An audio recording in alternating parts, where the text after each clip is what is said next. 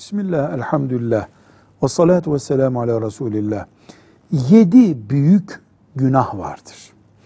Evet, büyük günah çoktur ama yedi ilk büyük günah diyelim biz bunlara. Resulullah sallallahu aleyhi ve sellem Efendimiz bunlara karşı çok dikkatli olunmasını emretmiştir. Birincisi Allah'a şirk koşmak.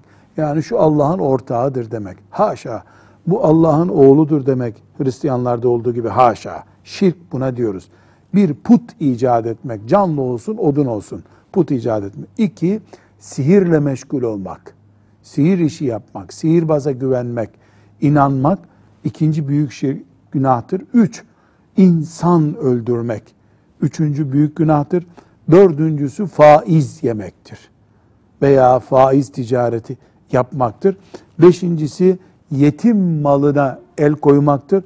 Altıncısı Allah'ın dini için yapılan bir cihatta kritik bir noktada cepheyi bırakıp kaçmaktır.